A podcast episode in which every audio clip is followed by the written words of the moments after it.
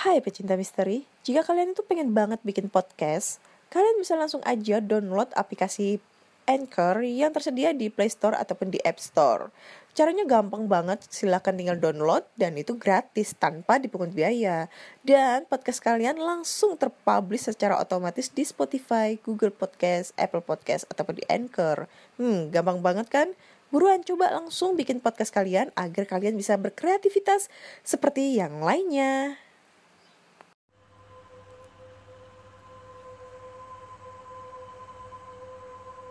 Hai semua, selamat datang di podcast kisah horor.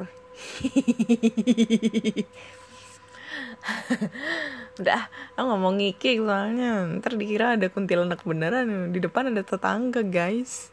Gak tahu pada be be begadang mau ngomong bedebah lagi. Oke teman-teman, hari ini hari Rabu tanggal 13 Mei 2020 jam 1 malam. Ya, seperti biasa, aku akan membacakan email berhantu yang sudah dikirim teman-teman melalui podcast kisah horor at gmail.com ataupun di DM Instagram podcast kisah horor dan DM Instagram Ana Olive. Nggak kerasa udah mau lebaran ya, sebentar lagi ya, kurang lebih sekitar satu mingguan lagi udah mau lebaran. Ya, kayak lebaran kali ini kurang ya, kurang apa ya? Ya kurang bahagia lah atau gimana ya buat kita semua karena memang lagi pandemi corona kita harus uh, stay di rumah nggak ada teraweh nggak ada kemungkinan juga entah ada sholat id apa enggak juga kita nggak tahu nggak bisa pulang kampung mudik kayak gitu. Uh, banyak yang di PHK banyak yang uh, nggak dapat THR ya termasuk saya kan nggak dapat pekerjaan. Kadang itu yang belum dapat pekerjaan mau nyari kerja susah karena covid kayak gini. Ya cukup prihatin juga ya tapi ya mau gimana lagi udah keadaannya seperti ini ya uh, ya kita berdoa bersama aja ya semoga pandemi ini cepat berakhir setelah lebaran ini dan semoga uh, keadaan ekonomi di Indonesia ini semakin membaik ya. Semakin membaik semakin membaik dan teman-teman semua yang kehilangan pekerjaan bisa mendapatkan pekerjaannya lagi. Amin. Ya harus banyak-banyak bersyukur ya jangan banyak ngeluh juga. Ini anggap aja suatu ujian dari Allah Subhanahu wa taala gitu ya. Oke. Okay.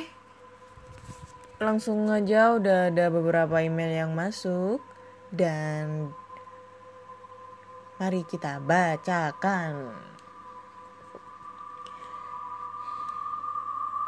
Jadi cerita yang pertama datang dari email yang gak mau disebutkan namanya. Halo Kak Ana, aku mau bercerita. Jadi kosku memang terkenal angker, tapi aku sendiri tidak pernah mengalami hal yang terlalu aneh. Biasanya hanya suara-suara, tapi malam itu aku benar-benar dibuat takut olehnya. Malam itu aku langsung tidur saat sampai kos dari kantor. Aku sudah tidak mempedulikan sekitar. Aku langsung terlelap. Namun, tiba-tiba aku merasa ada yang memanggil-manggil namaku dalam jarak yang dekat. Aku kira itu temanku. Sri memanggilku karena butuh bantuan. Namun, Aku merasa panggilan itu dari arah tepat di belakangku. Aku membuka mataku, tapi kamarku hening, tidak ada Sri.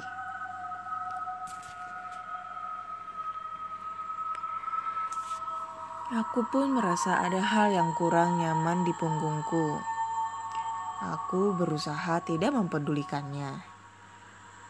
Aku mengarahkan tanganku ke belakang untuk meraih guling di sisi lain kasur.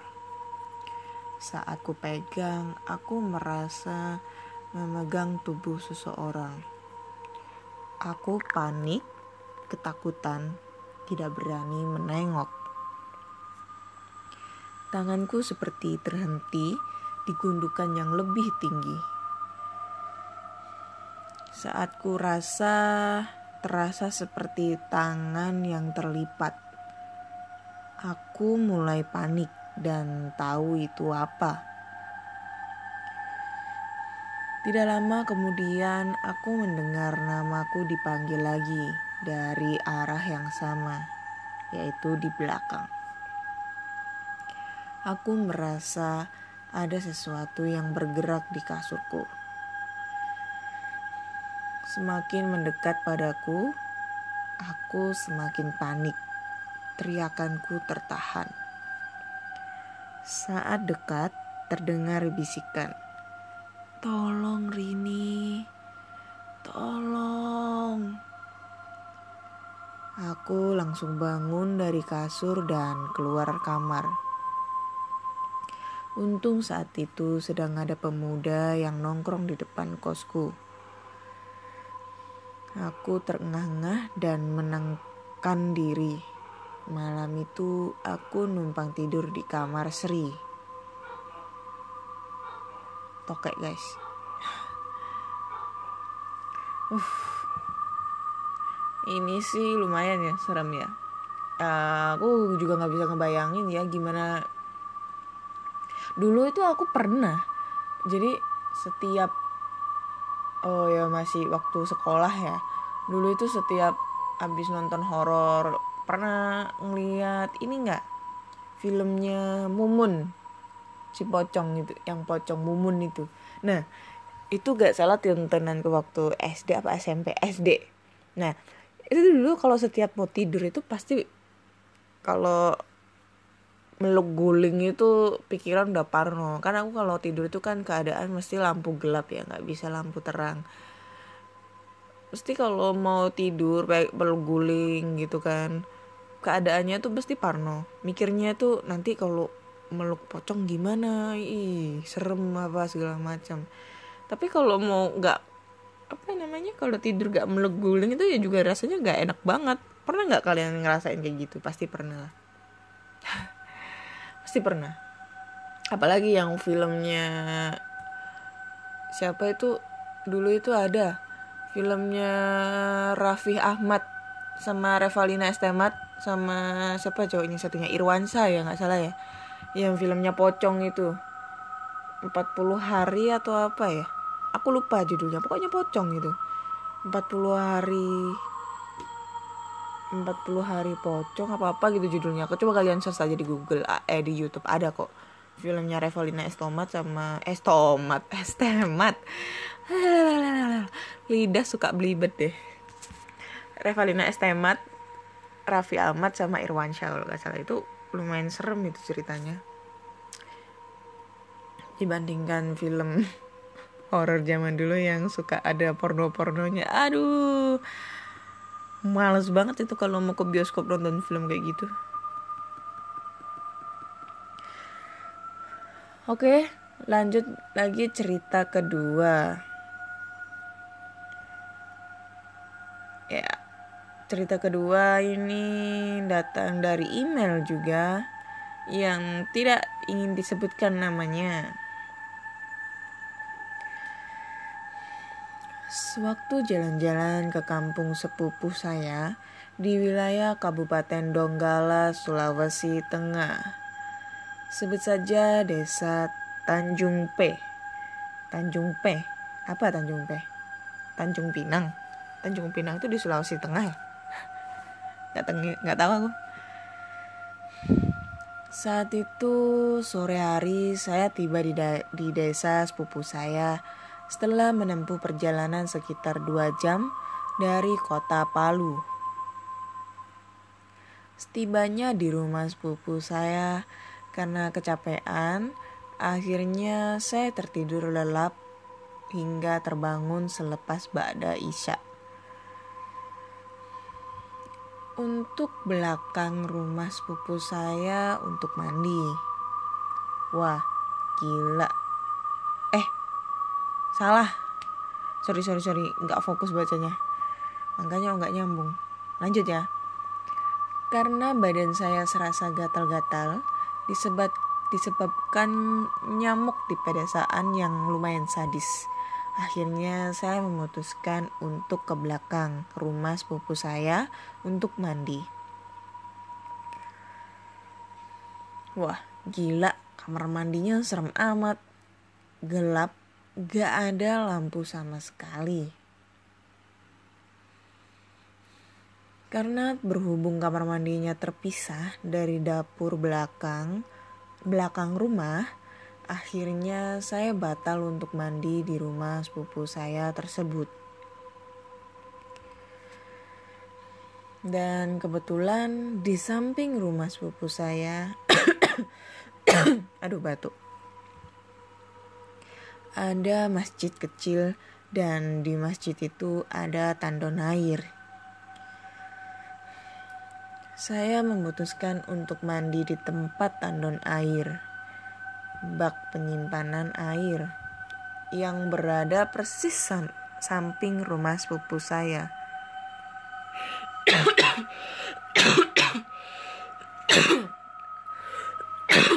Aduh, batuk ini beberapa hari. Nggak beberapa hari, udah beberapa minggu nggak sembuh-sembuh. Tadinya niatnya mau mandi bugil sih. Karena pikirku di kampung mana ada orang lewat kalau sudah lepas syalat isya. Biasanya saya sebelum mandi gosok gigi dulu, baru itu cuci muka pakai sabun pembersih muka. Nah, kejadiannya waktu saya lagi asik cuci muka pakai sabun, kan lagi tutup mata nih.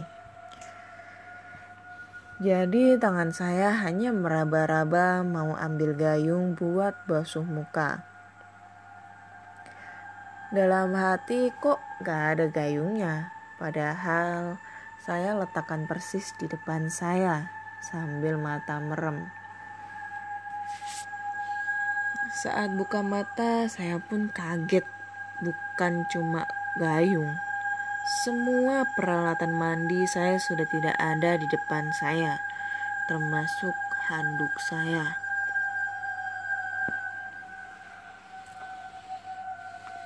Untung saja belum sempat lepas pakaian semuanya. Kirain sepupu saya yang lagi ngerjain ngerjain. Jadi saya teriakin, "Woi, balikin nggak?" Kalau nggak, saya lempar batu nih.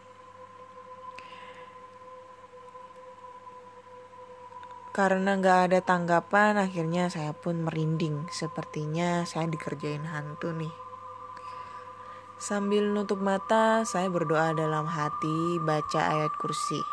Setelah itu saya ngomong permisi. Saya cuma mau numpang mandi di sini. Setelah buka mata, semua peralatan mandi saya dan handuk saya kembali ke tempatnya semula. Karena kejadian itu, saya urungkan niat untuk melanjutkan mandi. Sambil berlari kecil, saya masuk tergesa-gesa ke dalam rumah sepupu saya. Terus, saya ceritakan semua kejadian tadi. Dan sepupu serta tante saya cuma menertawain. Katanya memang angker di tempat itu. Warga asli desa pun tidak berani kalau sudah lepas Mbak Daisha ke tempat itu apalagi untuk mandi. Menurut tante saya yang sekarang sudah almarhum, innalillahi di dekat tandon air itu ada rimbunan pohon bambu kuning. Nah, di pohon bambu itu ada makhluk gaibnya, seorang kakek berjenggot panjang tapi pendek badannya seperti anak-anak. Sekian cerita dari saya kak. Maaf kalau kata-katanya berantakan dan kurang serem. Wassalamualaikum warahmatullahi wabarakatuh. Oke, waalaikumsalam warahmatullahi wabarakatuh. Ya cerita dari Mas siapa ini ya? Gak ada namanya cuy. Gak mau disebutin sih. ya Mas P lah, anggap aja. Hmm. Bete juga ya kalau kita lagi mandi terus habis itu digodain uh, peralatan mandi kita diumpetin sama setan kayak gitu ya untung belum telanjang. Kalau udah telanjang ya mau keluar rumah ketahuan orang malu dong. Ya makanya guys kalau kita mau ke tempat mana pun misalnya mau ya contoh mau kencing di ya biasanya kalau cowok itu kan kencing kan misalnya udah kalau udah kebelet itu nggak ada toilet selalu di pinggir jalan di bawah pohon apa segala macam. Itu ya setidaknya kita harus permisi ya.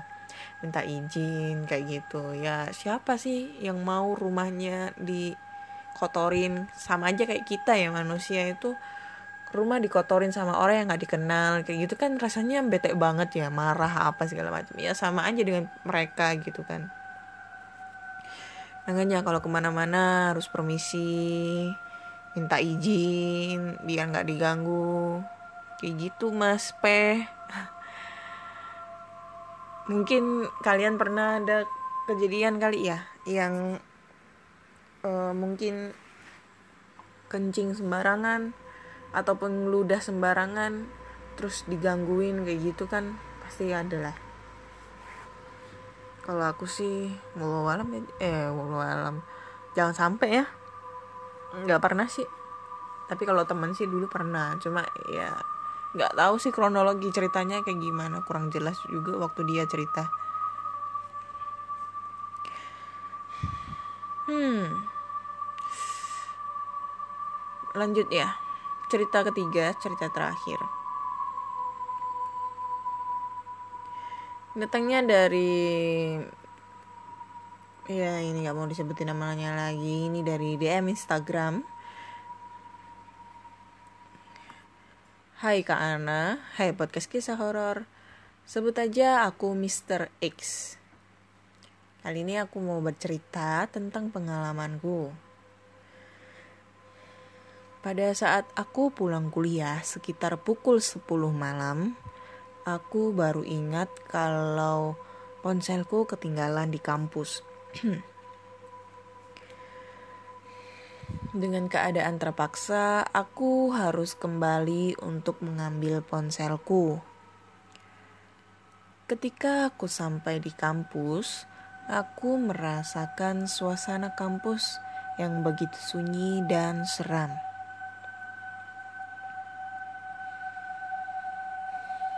Aku memberanikan diri untuk masuk ke dalam kelas lewat jendela karena pintunya terkunci dan aku berharap tidak akan berjumpa dengan penghuni kampus. Ponsel sudah aku ambil. Kemudian aku bergegas keluar kelas lewat jendela. Saat ketika aku lewat di depan kelas ekonomi, aku melihat ada sesosok makhluk menyeramkan hitam tinggi besar dan matanya bersinar merah. Tubuhku rasanya kaku tidak bisa bergerak. Sambil mengeluarkan keringat dingin, aku coba untuk membaca doa dalam hati dan makhluk itu pun hilang entah kenapa eh kenapa hilang entah ke mana kemudian aku berlari sekencang-kencangnya menuju motorku di depan pintu gerbang aku melihat sesosok hantu mahasiswi tanpa kepala dan rasa takutku pun bertambah ketika makhluk itu mencoba mendekatiku hingga akhirnya aku pingsan.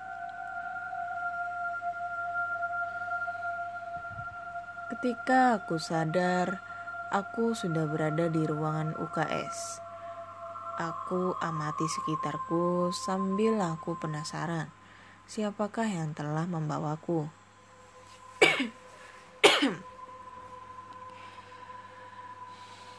Lalu aku melihat jam, ternyata sudah menunjukkan pukul setengah 12 malam.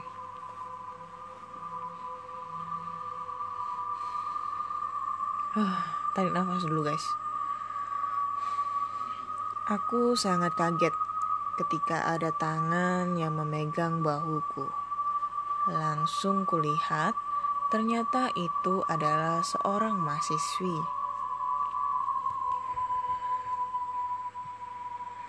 Karena penasaran, lalu aku bertanya padanya, "Mbak, siapa ya?" Aku sudah tiga tahun kuliah di sini, tapi nggak pernah sekalipun melihat Mbak. Aku Nadia. Mahasiswi baru ya? Kenapa jam segini belum pulang? Aku kan sudah di rumah. Jangan bercanda mbak, gak lucu tahu. Lalu Nadia menjawab, Aku sudah berada di sini ketika aku dibunuh pacarku 10 tahun yang lalu. Tubuhku sudah ditemukan, tapi kepalaku masih terkubur di halaman belakang kampus. Jangan bikin lelucon, Mbak. Mending kita pulang saja yuk. Jawabku sambil ketakutan. Dan alangkah kagetnya ketika aku melihat Mata mahasiswi itu berdarah, lalu kepalanya jatuh ke lantai sambil tertawa. Aku yang sudah merasa sangat ketakutan langsung berlari keluar dan memacu motorku dengan kecepatan penuh. Keesokan harinya, aku menceritakan yang aku alami kepada teman-teman dan para dosen. Lalu mereka menggali tanah di halaman belakang kampus. Aku sangat kaget ketika melihat tengkorak kepala seorang mahasiswi. Bapak dosen bercerita kepadaku, 10 tahun yang lalu ada kasus pembunuhan di kelas ekonomi. Tubuh korban sudah ditemukan tetapi kepalanya masih belum ditemukan dan pelakunya adalah pacar korban sendiri yang telah melakukan aksi bunuh diri setelah membunuh Nadia. serem. Serem banget nih. Thanks Kana udah dibacakan. Maaf kalau ceritanya berantakan dan semoga cerita ini bisa menghibur kalian semua. Uh, terhibur ini Mas P. Mr. X ini. Kok Mas P lagi? Terhibur banget ini. Ya apa ya? Message of true story kayaknya ini mah ya banget. Kita kan nggak tahu ya.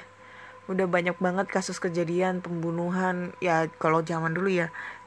Kalau zaman sekarang itu pembunuhan yang di kampus apa segala itu kayaknya belum belum ada lagi. Tapi kalau zaman dulu ya tahun 90 tahun 2000-an itu banyak banget kasus pembunuhan uh, pembunuhan apa nih?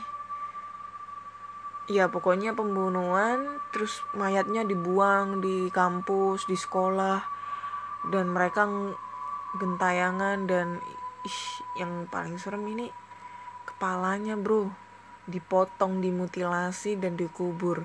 Dan pada saat di badannya ditemukan, kepalanya belum ditemukan. Emang sih ya. Ini pernah kejadian sama ya mantan aku ya. Aduh, aduh bentar kakiku kesemutan. Ya nggak tahu ya. Bukannya aku mau menyebut cerita yang apa gimana ya aku juga nggak mau tapi kata orang-orang sih setiap ada korban entah itu kecelakaan entah itu pembunuhan segala macam jika ada salah satu anggota badannya entah itu jari kelingkingnya sekalipun nggak ketemu eh, mereka bakal gentayangan dan mencari anggota tubuhnya sampai ketemu baru bisa disempurnakan. Katanya sih seperti itu ya. Tapi kadang itu biasanya jin korin yang biasanya itu menyerupai sosok tersebut pada saat kejadian itu. Dimanfaatkanlah jin uh, jin korin itu memanfaatkan kejadian itu untuk menakut-takuti orang sekitar. Dan ini terjadi sama mantanku ya ini mantanku dulu. Ya bukan mantan ya tepatnya TTM lah TTM zaman zaman sekolah masian TTM nah waktu itu dia udah kerja aku masih sekolah. Terus dia itu waktu itu izin sama aku mau ke rumah neneknya di Jombang kalau nggak salah di Jombang. Pada pada waktu itu dia itu mau pergi itu malam tahun baru.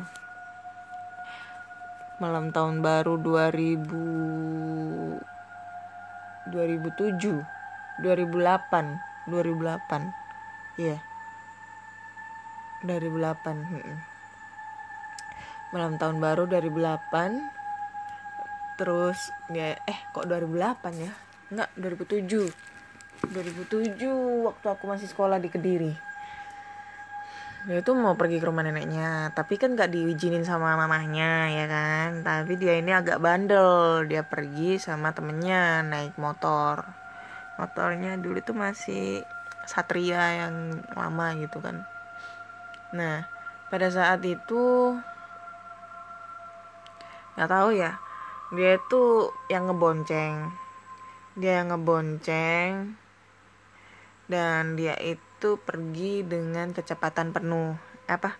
Menggunakan motornya itu dengan kecepatan penuh lajunya itu dengan kecepatan penuh pas malam-malam itu. Nah kan lagi banyak konvoy itu biasanya kalau malam tahun baru itu ya. Trek-trekan apa segala macam nggak tahu ya. Kalau di Surabaya sih banyak banget konvoy. Aduh hidungku gatel. Nah pada saat itu dia nggak kata kata temennya ini dia ngelaju motor itu kecepatan 100 sampai 120 km per jam. Ngebut lah pokoknya soalnya lumayan agak sepi jalannya besar itu terus dia itu kehilangan kesadaran maksudnya bukan kehilangan kesadaran ya kayak agak sedikit ngelamun meleng terus nabrak truk yang kondisinya dia posisinya itu truk itu berhenti lagi parkir. Dia nggak tahu akhirnya nabrak truk keras banget sampai ke pental dan anehnya eh dia tuh posisinya yang bonceng sama dibonceng ya? Kayaknya yang dia yang dibonceng. Dia yang dibonceng temennya yang ngebonceng. Gak tahu ya lupa aku. Kayaknya dia yang ngebonceng deh. Eh iya dia yang ngebonceng. Gak tahu aku lupa. Pokoknya itu kepental dan si temennya ini dia kepental sejauh sekitar 5 meteran cuma ya cuma baret-baret aja sih. Nggak nggak begitu parah. Tapi si TTM ku ini badannya hancur. Ya nggak hancur banget lah. Soalnya dia ngebentur posisinya ngebentur truk itu apaan ya? Ada besi jatuh guys. Pas posisinya tokek bunyi. Jadi tuh dia tuh kepental dan dia nabrak truk truk tronton ya tahu sendiri ya tronton itu uh, besi kayak gitu. Dan sebagian tubuhnya hancur mata matanya katanya ini keluar gitu sampai keluar matanya. Ya nggak tahu ya sampai sehancurnya kayak gimana. Nah pada posisi itu pada saat pengangkatan jenazah matanya ini nggak diket nggak ditemuin dicari-cari tuh nggak ada. Jadi matanya tuh keluar satu sebelah kiri. Dicari-cari nggak ada. Nah posisinya rumahnya ini deket sama rumahku cuma beda berapa rumah aja lah. Beda, beda berapa rumah gitu. Nah konon kata orang-orang orang-orang yang di sana di daerah Jombang ini ceritanya dari temen-temennya Nah temennya ini diceritain sama ibunya, ibunya TTM ku ini ya. Aku juga dicerita, ya nggak cerita sih cuma diceritain gitulah nggak tahu apa ya. Waktu itu masih shock banget. Jadi tuh selama 40 hari warga di sana itu dihantuin sama TTMku ini gitu loh arwah arwahnya dengan beralasan mencari matanya yang hilang satu di sana gitu. Jadi setiap jam sekitar jam 10 10 malam orang yang lewat di sekitaran jalan sana selalu dihantui sama dia dengan alasan mas mataku di mana ya? Kayak gitu katanya. Tapi sekarang udah nggak ada sih 2007 sekarang 2020 13 tahun yang lalu cuy. Ya terus itu semua sih percaya nggak percaya ya nggak tahu ya. Tapi ya kalau aku sih percaya aja ya karena banyak banget kasus seperti ini yang apa uh, arwah yang tidak sempurna tidak ditemukan badannya itu biasanya dia akan bergentayangan mencari anggota tubuhnya yang hilang sampai ketemu dan akhirnya dia bisa sempurna untuk ke alam baka sana kayak gitu. Ah nggak tahu lah belibet banget ini. Aku nggak konsen hari ini untuk membacakan email berhantu maaf banget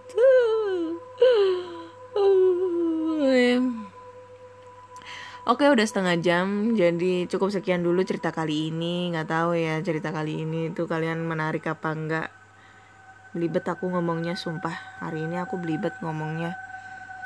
Bingung ngomongnya. Entah apa yang merasukiku. Oke, jika kalian semua punya cerita berhantu, cerita pengalaman horor yang pernah kalian alami ataupun teman-teman ataupun saudara kalian atau orang tua kalian, kalian bisa bisa langsung kirimkan ke email podcast podcast kisah horor at gmail.com ataupun di DM Instagram podcast kisah horor dan DM Instagram Ana Olive. Nanti aku bakal bacain ceritanya dan aku publish melalui Spotify ataupun di YouTube. Akhir kata saya sebelumnya mau mengucapkan selamat menunaikan ibadah puasa. Semoga ibadah puasanya diberikan kelancaran buat kita semua dan selamat malam.